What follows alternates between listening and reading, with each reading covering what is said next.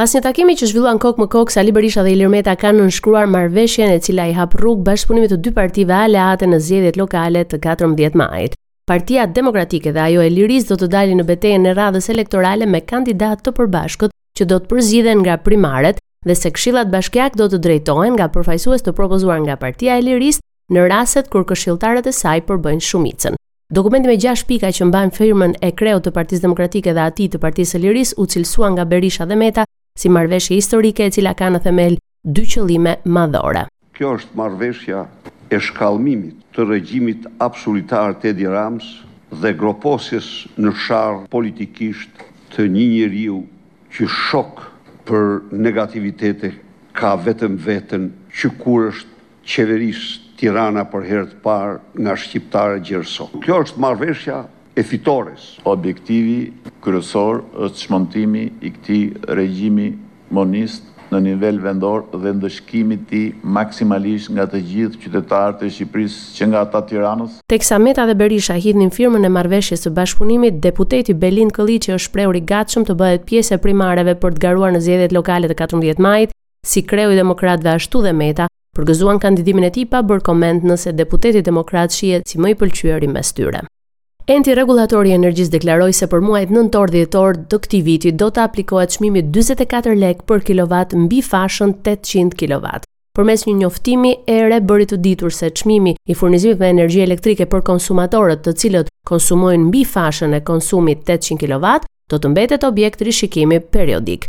Një ditë më parë në mbledhjen e Entit Rregullator është rrëzuar kërkesa e deputetes demokrate Tabaku për ta shfuqizuar plotësisht këtë fashë. Vendimi për futjen e saj është marrë në shtator, por gjatë tetorit qeveria vendosi të mos e zbatonte për shkak sipas saj të ndërgjegjësimit të qytetarëve për të kursyer energjinë dhe reshjeve që ranë në vend.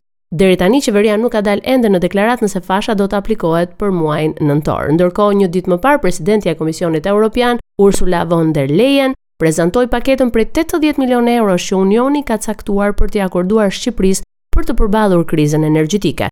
Megjithatë, kryeministri Rama theksoi se kjo është vetëm një e gjashta e sasisë së parave që i duhet vendit tonë për të lënë të pandryshuar çmimin e energjisë. Presidentja e Komisionit Evropian Ursula von der Leyen ka mbërritur këtë të enjte në Tiranë në një konferencë të përbashkët për shtyp me kryeministrin Rama, kanë prezantuar planin e Bashkimit Evropian për përballimin e krizës së energjisë. Kryeministri i vendit falënderoi Ursula von der Leyen për ndalesën e saj në kryeqytetin shqiptar dhe tregoi se bashkë kishin bërë një ndalesë për të parë dhe punimet e hekurudhës së re Tiranë-Durrës, një projekt që ka nisur më vonë se ç'ishte parashikuar. Sipas kryeministrit, projekti pritet të përfundojë në pranverën e 2024-s. Sigurisht që takimi i sotëm ka një vlerë të veçantë për shkak se presidentja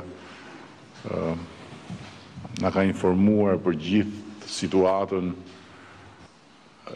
financiare në kushtet e një lufte që bombat edhe plagët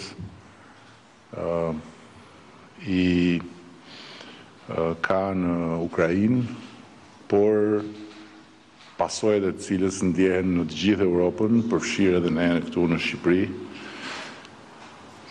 në çmimet stratosferike të tregut të energjisë dhe në inflacionin që ka prekur të gjithë pa përjashtim. Unë e informova Presidenten për qasjen tonë për Vendosmërinë tonë që ne të vazhdojmë të mbështesim me të gjitha mënyrat familjet dhe biznesin e vogël për të mos e prekur çmimin e energjisë elektrike, gjë që do të thotë një peshë e konsiderueshme për buxhetin e shtetit, por Sipas nesh një peshë sidoqoftë e arsyeshme. Dhe nga ana tjetër kemi folur pak, po do të takohemi përsëri më vonë, edhe për një ngjarje të jashtëzakonshme për Shqipërinë, e para në histori në gjashtë dhjetor kur në Tiranë do të kemi, samitin e Bashkimit Europian me Ballkanin Perëndimor. Prej disa ditësh, aktori i njohur hollivudian me origjinë shqiptare Jim Belushi ndodhet në Shqipëri për të xhiruar një dokumentar ku në qendër ka kultivimin e kanabisit dhe përdorimin e tij në mjekësi. Aktori i mirënjohur thotë se ka ardhur me ftesë të kryeministrit Rama në një kohë kur në Shqipëri ende po diskutohet legalizimi i bimës.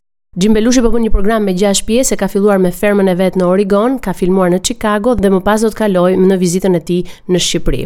Ekipi po vazhdon ende xhirimet e dokumentarit i cili do të shfaqet në Discovery Channel. Nesër dhe përgjithmonë është libri që rikthen autorin, kantautorin e njohur shqiptar Ermal Meta në atdhe. Historia zhvillohet në Shqipërinë e luftës së dytë botërore dhe rrëfen për përplasjet e jetës njerëzore mes konflikteve të shekullit 20.